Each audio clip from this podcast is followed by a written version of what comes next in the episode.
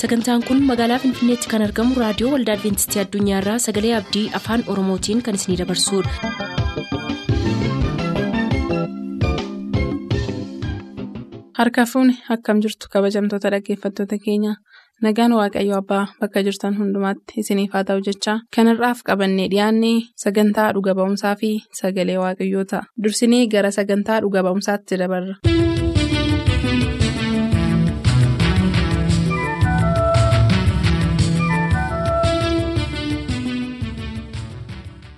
Kabajamoota hordoftoota keenyaa sagantaan wal haa barru jedhu. Obbo amanuu wayyeessaa wajjin wal isin barsiisuu jalqabee ture. Iddoo adda addaa hojjechaa turuu isaanii nutti himaniiru. Barri hojii isaanii maal akka fakkaatu gaaffii isaan gaafanneef deebii nuuf kennan irraa kaasee kutaa sadaffaa itti fufnaa ittiin eebbifama.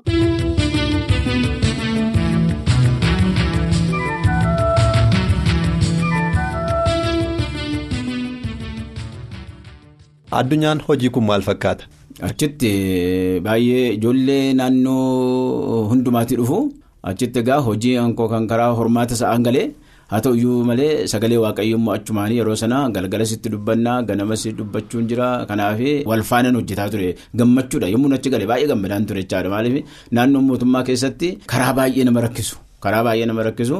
Karaan sanbataa kunillee baay'ee malee rakkina guddaatu namarra ga'a haa ta'u malee waaqayyo kadhannaa koo dhaga'ee mana kee keessa guyyaa qulqullaa keetti namoota qulqulloota wajjiniin biyya lafaa kana keessatti akka waaqeffadhu na godhee kadhataan ture.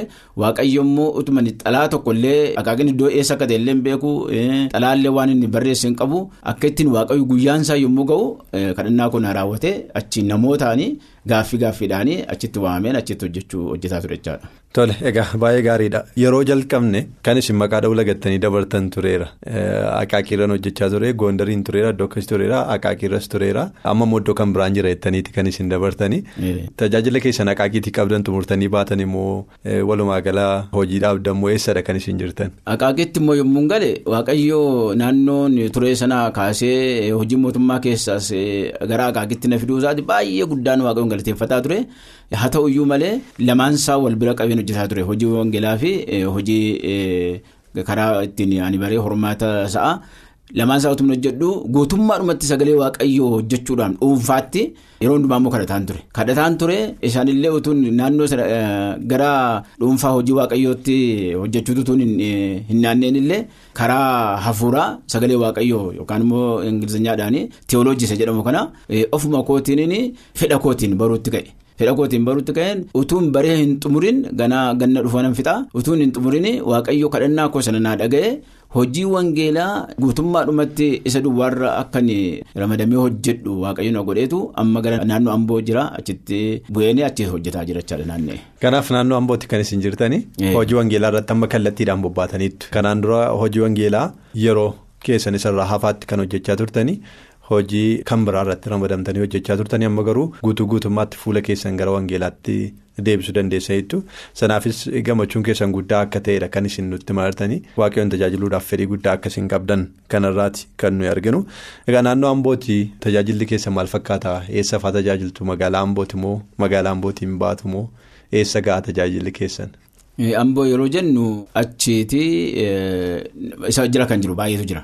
Iddoon ga'u naannoo gindabarata kana naannoo salaalee kanallee deebi'ee immoo gara karaa geedoo kana sayyoo kana burqaa kana walisoo kana naannoo kana deddeebi'ee hojjedha. Karaa meettaa kanallee hamma godaa iddoo iddoon isaanii jijjiiruu minaaree kan jedhan jiru dalataa iddoo iddoo kana hundumaa naanna'anii hojjetaa jira jechaadha sagalee waaqayyo. Kanaaf iddoo isinirra naanna'aa jirtan baay'ee bal'aadha jechuudha amma. Egaa dhaggeeffattoonni keenya iddoo isin dhattanitti isin arguu danda'u jechuudha. Yeroo gara salaalee dhattan yeroo gara geedoo dhattan yeroo gara minaaree dhattan yeroo gara walisoo dhattanii hojiidhaaf yeroo isin deemtanitti dhaggeeffattoonni warri sagalee duwwaadhaan isin beekanii qaamaanis isin arguudhaaf carraasaa akka isaan qaban asumaan dubbadheen darbuu barbaada. Waa'ee dhaggeeffattootaa erga kaasamee asumaan gaaffii ittaanuun isin gaafadha yeroo baay'ee kutaa reediyoo keenya kanatti dhiyaattanii sagalee waaqayyoo dhaggeeffattootaaf yeroodhaan beekamtu hojii kana akkamittiin jalqabdanii yeroo ammamii ta'e erga tajaajiluu jalqabdanii. Asitti dhufee tajaajiluu kan inni jalqabe yeroo obboleessi keenya amma paasterii ta'ee dibameera. Tamasgeen bultii yeroo turedha amma paasterii Tamasgeen bultii jedhama. Yeroo sana na gaafatee naannoon yeroo naqaaqee turetti dhufee aqaaqee wanta tajaajilaa jiruu fi yeroo sana gaa afaan amaariyyaatiin tajaajilachitti afaan oromiyaadhaan as keessatti yommuu na gaafatee jedhu lakki na rakkisa jedheen ture mee yaalii jedhee numa dhufee jedhee yeroo sana lamatu duwwaan jalqabe lamatuudhaan lallaba lamatuun dabarsee jedheen afuritti guddisaan deeme jedhaan deeme kana booddee deddeebi'aan ture naannoo yoon. Akka ta'utti illee beeku ta'e kudhanii oli waggaa kudhanii olichaadha. Waggaa kudhanii ol ta'e erga jalqabdanii galanni waaqayyoof haa ta'u. Akka midhamee tajaajilli reediyoo hammam fedhiinsaa keessa keessan jira hammamis ittiin eebbifamtu. Baay'ee na gammachiisa dhugaa dubbachuuf keessumaati. Ani nama iddoo kana ga'uun irra hin jirre. Waaqayyoo akkamittiin akka addaan dhufee ani sagalee karaa reediyoo kana qilleensarra dabarsuudhaaf waaqayyoo na dandeessisuuf baay'ee malee waaqayyoon galateeffataa ture ammas galateeffataa jira. Maaliif gammachuu guddaan natti dhaga'ama? Waaqayyoo eessaa kaasee eessaan akka nagahee waan hin beekuuf kana hunduma isaa waaqayyoon guddaa galateeffataan gammachuudhaan kan inni wajjin hojjedhu jechaadha.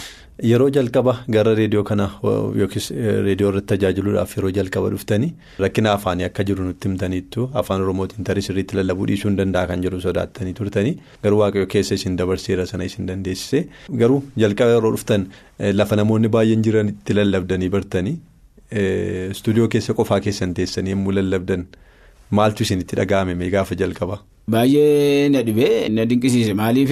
Nama fuulduratti baanii nama ilaalaa lallabu. Ammas akkuma namni na fuuldura jirutti harka koo faffacaasaadhuma lallabaa ture. Qophaan ta'a garuu sagaleen koos dhaga'amu achumaan sagalee waaqayyo dabarsee ba'e. Baay'ee na rakkisaa ture. Afaan kun maaliif? Gara waggaa soddomaa olii naannoo koo amaariffaatiin tajaajilan ture.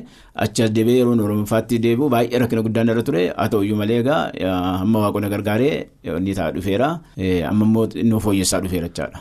Tole baay'ee gaariidha. Dhaggeeffattoonni yaada isinii kennanii beeku isinii bilbilanii beeku yookiin akka dhuunfaatti kan isin quunnamanii beekan jiru hojiidhaaf yeroo baatan amma erga garaan boodhattanii keessumaa hojiidhaaf yeroo baatan dhaggeeffattoonni isin argan jiru maal isiniin jiru yaada akkamii isinii kennu. Tokko tokko ammayyuu nan beekanii tokko tokko garuu yeroo na arganii sagalee koo achi keessatti dhaga'anii maqaan koo yeroo itti. Isaan kana dheeroo nutti fakkaatee ture furdaaf dheeraa nutti fakkaatee ture jedhaniitu isaan dubbatu. Garuu ijaan arguu keenyaaf baay'ee gammachuu guddaa qabna kan jedhan jiru iddoo iddoo addaati. Garuu warri tokko tokko immoo na arguu hin beekani. Yoo na argan iyyuu hin beekani maaliif? Maqaa koo achi keessattis hin dhageenye ta'a. Yookaan immoo dhaggeeffatanis ta'a natti fakkaata. Tokko tokko garuu si arguu sagalee keessan duwwaa beennaa sagalee keessan irraa har'a immoo ijaan si arguu keessanii baay'ee gammanna kan jedhan jiru. Naannoo.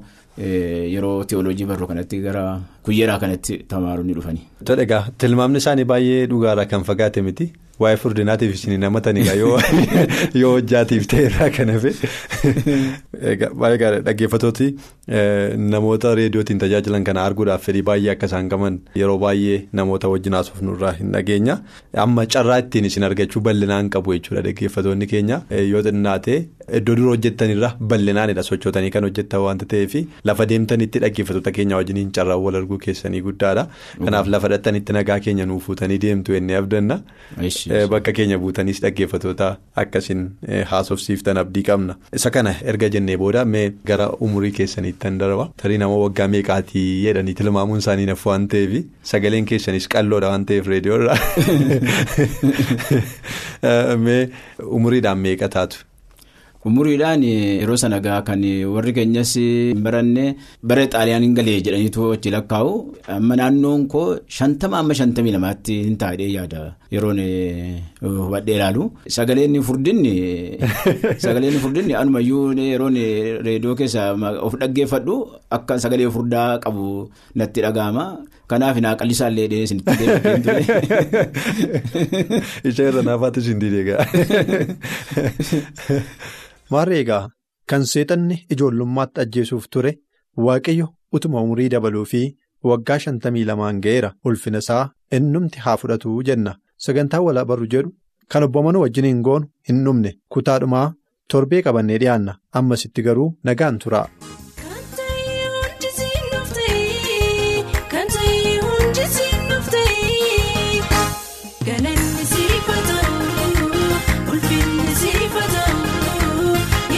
Maqaan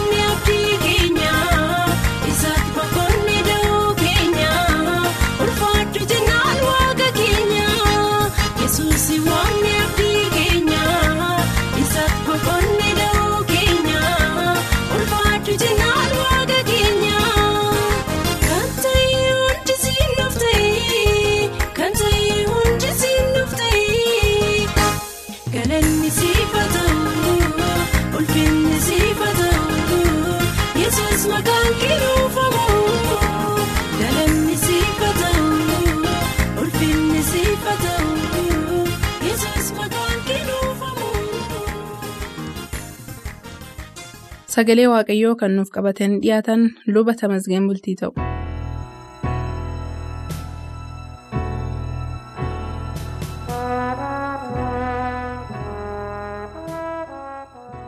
Jaalala guddaatiin kan Waaqayyo isin jaallate kabajamtoota dhaggeeffatoota keenyaa nagaa Waaqayyoo bakka bakka jirtan hundumaatti isin haa ga'u attam jirtu. Sagaleen Waaqayyoo har'a waliin ilaallu nama Waaqayyotti mul'ate mata duree jedhu kanaan dura waliin ilaaluu jalqabne jalatti ergama Phaawulos waliin ilaalla. Ergama Phaawulos kadhannaa godhachuutiin gara sagalee kanaatti haa dabarru. Waaqa jiraataa Waaqa hundaa ol jirtuu jaalala keessa guddaatiif ammas galata sii dhiyeessina maqaan kee ulfina haa argatu. Yeroo kana yaa gooftaa sin kadhadhaa hafuurri kee qulqulluun samiirraa gara keenyatti haa bu'u. Humni hafuura kee qulqulluu sagalee kee nuuf haa ibsu. Sagaleen kee dhageenyu immoo fayyinaaf nuuf haa ta'u. Maqaa gooftaa yesuusiin dhaggeeffattoota keenya hundumaa lafa jiranittis eebbisi. Ameen. Ergama Phaawulos Dhaggeeffattoota keenyaa kutaa lammaffaa isa darbe jalatti waamamuu Phaawulos yommuu ilaalle gooftaan Yesuus utuu Phaawulos amantoota guddisee ari'ataa jiru itti mul'atee Saa'ol Saa'ol maaf na ari'atta akka ittiin jedhee yaadattu. Saa'ol maaf na ari'atta. Yeroo sana Phaawulos lafa dha'ee yaa gooftaa maal godhu jedhe hojii ergamootaa boqonnaa digdamii ja'a lakkoofsa kudha shanii jalqabee akkana jedha. Kanarratti ani eenyu ati gooftaa jedheen gaafadhe gooftaanis deebisee ana yesus kan ati ari'achaa jirtu amma garuu ka'ii miilla keetiin dhaabadhu.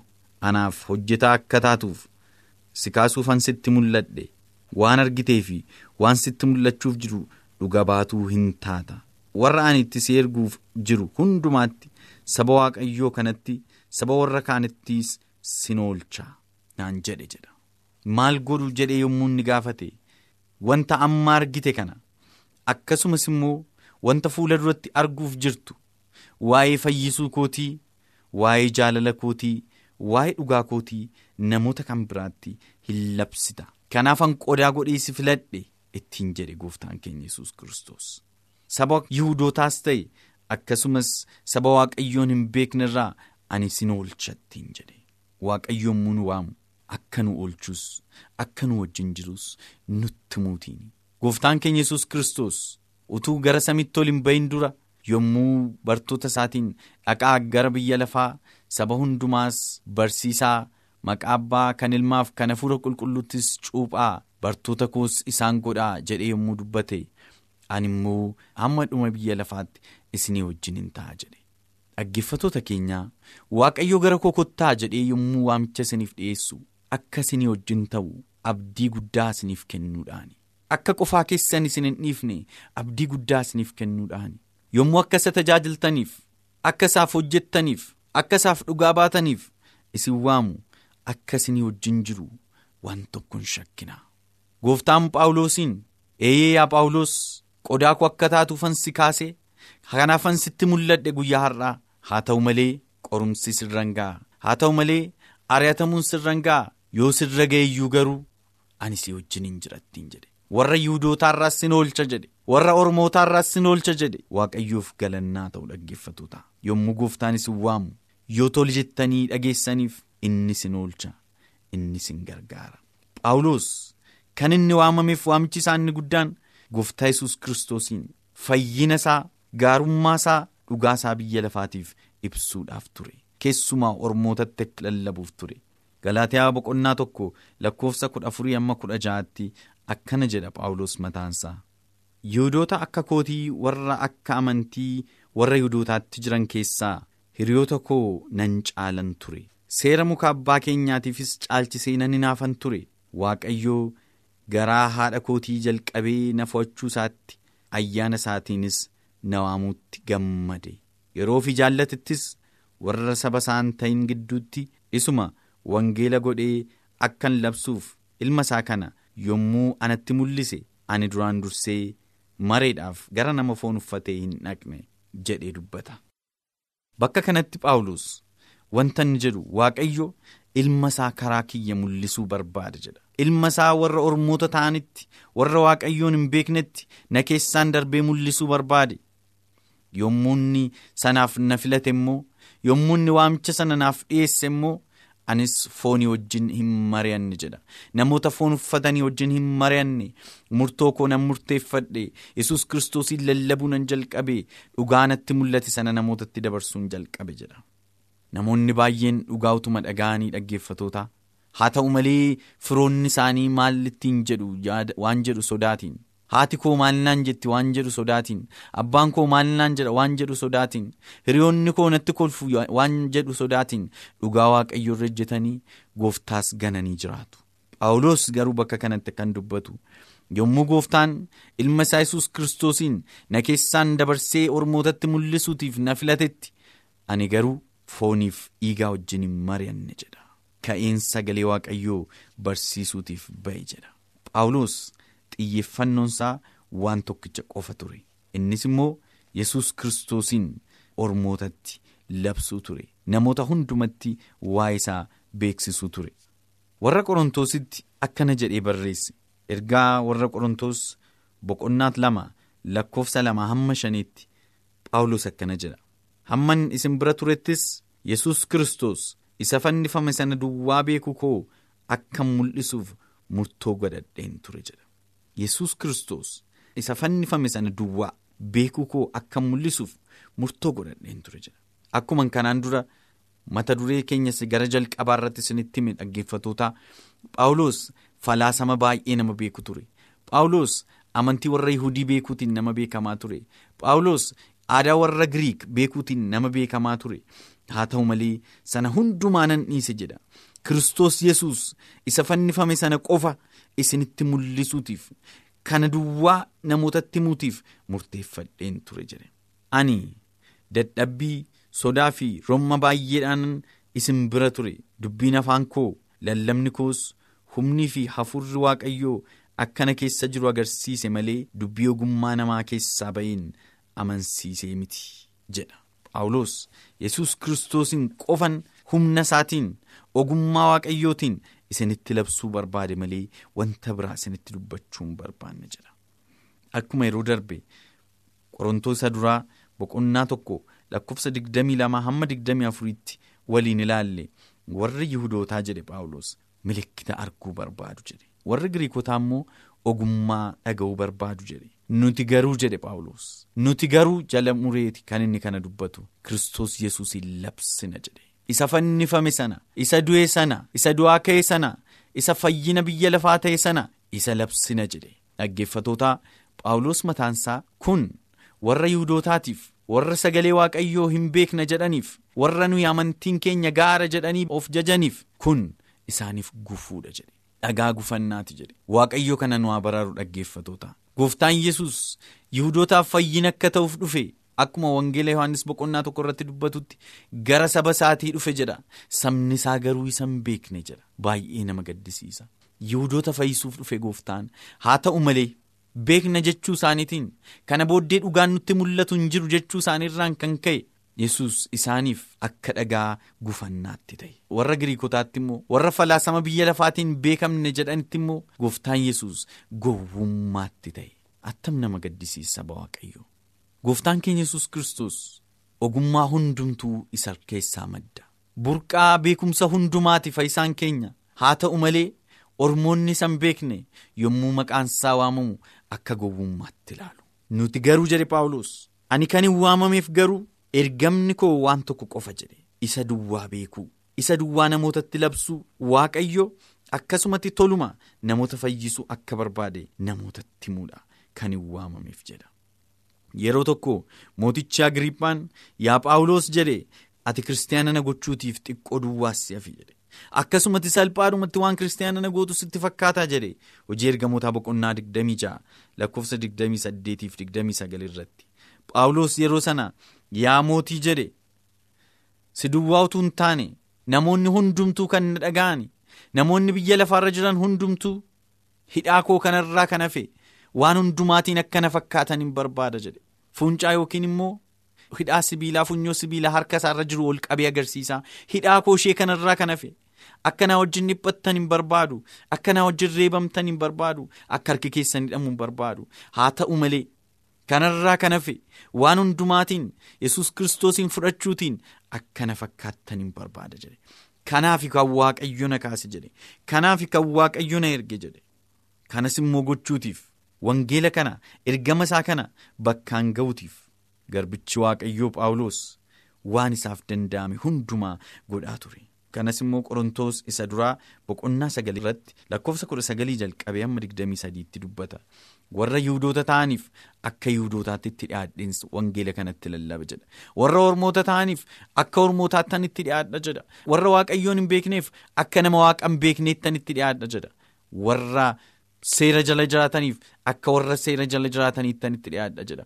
Warra seera waaqayyoo hin beekneef anutuun seera kiristoosiin jiraachaa jiru akka nama seera waaqayyoo hin beekneettan jalqaba itti dhiyaadha jedha. Kana hundumaa kan hin godhu garuu hunduma keessaa hamma ta'e fayyisuu waan hin barbaaduuf jedha. Keessumaa Qorontoo isa lammataa boqonnaa shan lakkoofsa kudha sagalii hamma digdamii tokkootti waaqayyotti araaramaa jenna nama hundumaan jedha. Waaqayyoo. Karaa kiristoos yesuusiin namoota ofitti araarseera waan ta'eef ergaa araarsaa kanaaf na kaase waaqayyo jedha. Kanaafuu waaqayyotti araaramaa jennee namoota hundumaa kadhanna jedha. Saba waaqayyoo kan yeroo kana dhaggeeffataa jirtan waaqayyotti araaramaan isiniin jedhanis. Ergamni phaawulos har'as ergama amantoota hundumaa ta'uu qaba. Anaafis ergama kooti kiristoos yesus isa du'aa ka'e isa har'a waaqarra dhaabatee. Dhiiga isaatiin cubbuu keenyarraa nu qulleesseef dhaggeeffatoota isaaf garaa keessan akka laattan karaa isaa waaqayyotti akka araaramtan karaan biraa isa malee hin jiru fayyinni isa malee hin jiru dhugaan isa malee hin jiru gara isaatti akka deebitaniif waaqayyo yeroo kana waamicha guddaa isiniif dhiyeessa isinis immoo garaa keessan bantanii fi waamicha kanaaf tole akka jettaniif waaqayyo isinaa gargaaru nagaatiin nu tura.